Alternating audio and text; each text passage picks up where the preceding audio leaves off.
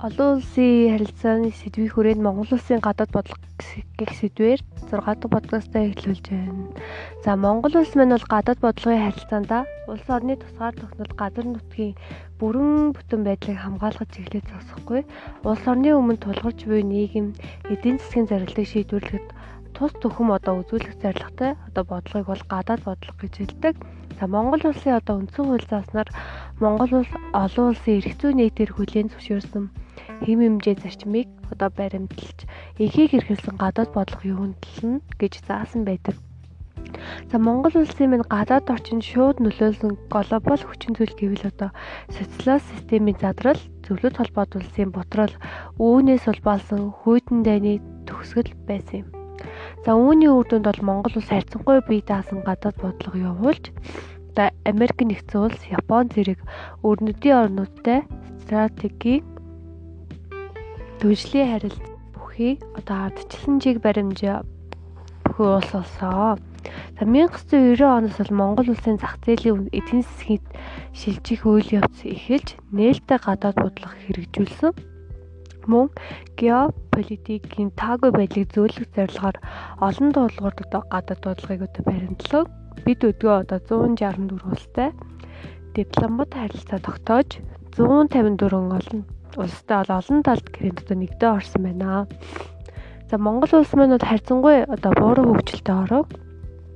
Түүнээс одоо үүнийг тэнцвэржүүлэх одоо үүднээс бусад төршийн хөрөнгө оруулалт эдийн засгийн бодит оролцоо нөлөө сонирхлыг илүү далаастай нэмэгдүүлэх одоо бодлого одоо барина гэсэн үг. Одоо үүнээс одоо дурдах юм бол одоо төвийг сахих, тэнцвэртэй харилцаа барих аль нэг хүчрэхийг одоо гүрэндээ эцэг замаар өөрийгөө одоо одоо хамгаалуулах хэлбэр нь одоо энэ гадаад бодлогын одоо зорилго болж байгаа гэсэн үг. За мөн Монгол улс маань бол зөвхөн одоо хоёр хөршийн хамааралд байх ёсгүй. Тэгэд хоёр хөршийн одоо бодлого явуулах ёсгүй. Одоо хоёр хөршийн нөлөөллийн тэнцвэрийг хадгалахад 3 дахь хүч буюу 3 дахь хөршийн нөлөөлөл байх ёстой гэж үзсэн. Одоо 1990 оноос 3 дахь хөршийн бодлогыг одоо хэрэгжүүлж эхэлсэн.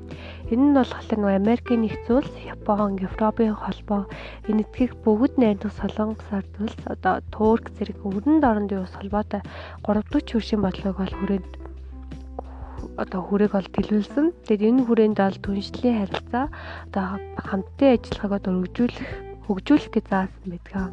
За түншлийн харилцааг харна уу ээж бүрэн түншлэл болон стратеги түншлэл гэх мэтчлээ одоо хувааж авч үздэг. Тэгээ ээж бүрэн одоо стратеги түншлэлт бол бүгд найрамдах хятад урс одоо ганцаараа ордог.